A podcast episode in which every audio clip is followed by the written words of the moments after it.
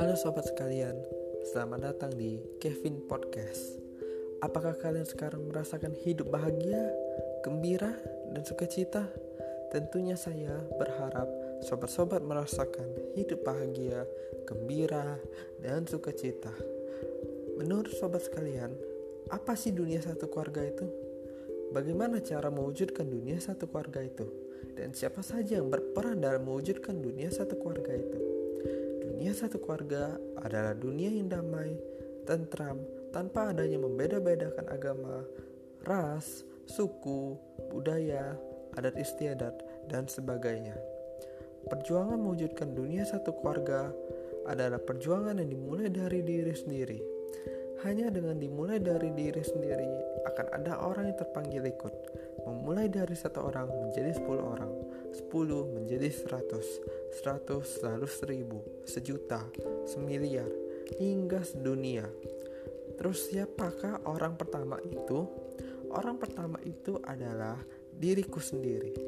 Akulah yang harus mulai di sini dan sekarang juga. Apa saja sih pengalaman nyata sebagai wujud semangat dunia satu keluarga kita dalam kehidupan sehari-hari? Yang pertama, hidup yang harmonis. Semangat dunia satu keluarga adalah semangat hidup harmonis. Hidup harmonis dengan semua orang. Harmonis adalah hidup selaras, serasi, saling membantu, melengkapi, sehingga hidup menjadi indah, damai, dan bahagia. Sama seperti halnya gigi dan lidah. Satu keras dan tajam, sementara yang lain lembut dan tumpul. Namun keduanya tidak saling melukai.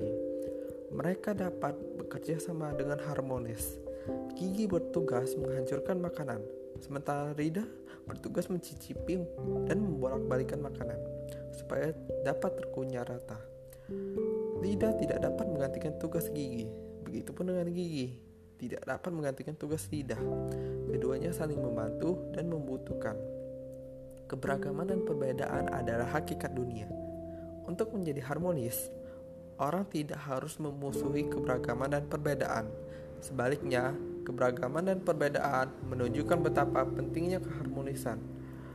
Untuk mengembangkan hidup yang harmonis, kita perlu mengembangkan semangat-semangat positif dalam kehidupan sehari-hari. Yang kedua adalah rendah hati. Orang yang berjuang mewujudkan dunia satu keluarga mutlak harus rendah hati. Sifat sombong dan angkuh sama sekali berlawanan dengan semangat dunia satu keluarga. Orang sombong tidak pernah menghormati orang lain, tidak bisa menghargai pandangan orang lain, mau menang sendiri dan egois. Sedikit berkorban sudah menuntut pamrih dan mengagungkan diri sendiri. Orang sombong tidak menghargai kebersamaan dan kepentingan orang banyak. Sifat sombong adalah penghambat utama terwujudnya dunia satu keluarga ini. Sebaliknya, kerendahan hati adalah landasan hidup harmonis. Kerendahan hati membuat seseorang saling menghargai, membantu, dan saling memajukan. Kerendahan hati adalah semangat dunia satu keluarga dalam kehidupan sehari-hari. Yang ketiga adalah tulus. Tulus apa adanya adalah kejujuran, dan kemurnian hati yang sangat indah. Orang tulus tidak munafik, tidak berbelit-belit dan rumit, sehingga banyak sahabatnya. Semua orang merasa nyaman dengan tenang berhubungan dengannya. Ketulusan menjadi pintu sukses dalam hubungan masyarakat.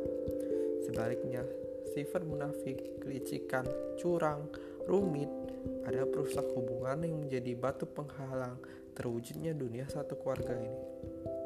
Yang selanjutnya adalah berjiwa besar. Orang yang berjiwa besar adalah orang yang berapang dada, yang pemaaf, pengertian, bertoleransi. Orang yang berjiwa besar tidak perhitungan dan mampu berkorban perasa, dapat menerima hal yang menyakitkan. Orang yang berjiwa besar yang mampu menerima tanggung jawab dan tugas berat yang kelima adalah kebersamaan. Kebersamaan menjadi semangat paling utama dalam dunia satu keluarga. Kebersamaan adalah semangat berbagi, berbagi kebahagiaan, kesuksesan, kemuliaan, dan berbagi pencapaian. Kelemahan manusia ada tidak mau berbagi, hanya mau menikmati sendiri, hanya mau sukses, bahagia, kaya sendiri. Semangat tidak mau berbagi inilah penyebab utama kecemburuan dan iri hati, persaingan, pertikaian, sampai pada peperangan. Semangat tidak mau berbagi ini pula membuat orang gagal menikmati kesuksesan dan kebahagiaan yang dicapai. Sebab kebahagiaan sendiri tidak dapat menandingi kebahagiaan bersama. Sebuah kebahagiaan menjadi sejati, bermakna, dan bertahan bila dibagikan kepada orang banyak. Yang selanjutnya, bekerja sama. Banyak orang dapat bekerja sendirian dengan baik, namun tidak bisa bekerja sama. Setiap bekerja sama pasti beda pendapat atau salah paham yang mengakibatkan pertikaian. Bekerja sama adalah sebuah seni tinggi. Untuk dapat bekerja sama dengan orang harus rendah hati, lapang dada, berani mengalah, berkorban perasaan dan senantiasa tulus ikhlas. Semangat bekerja sama adalah semangat hormat dan kasih.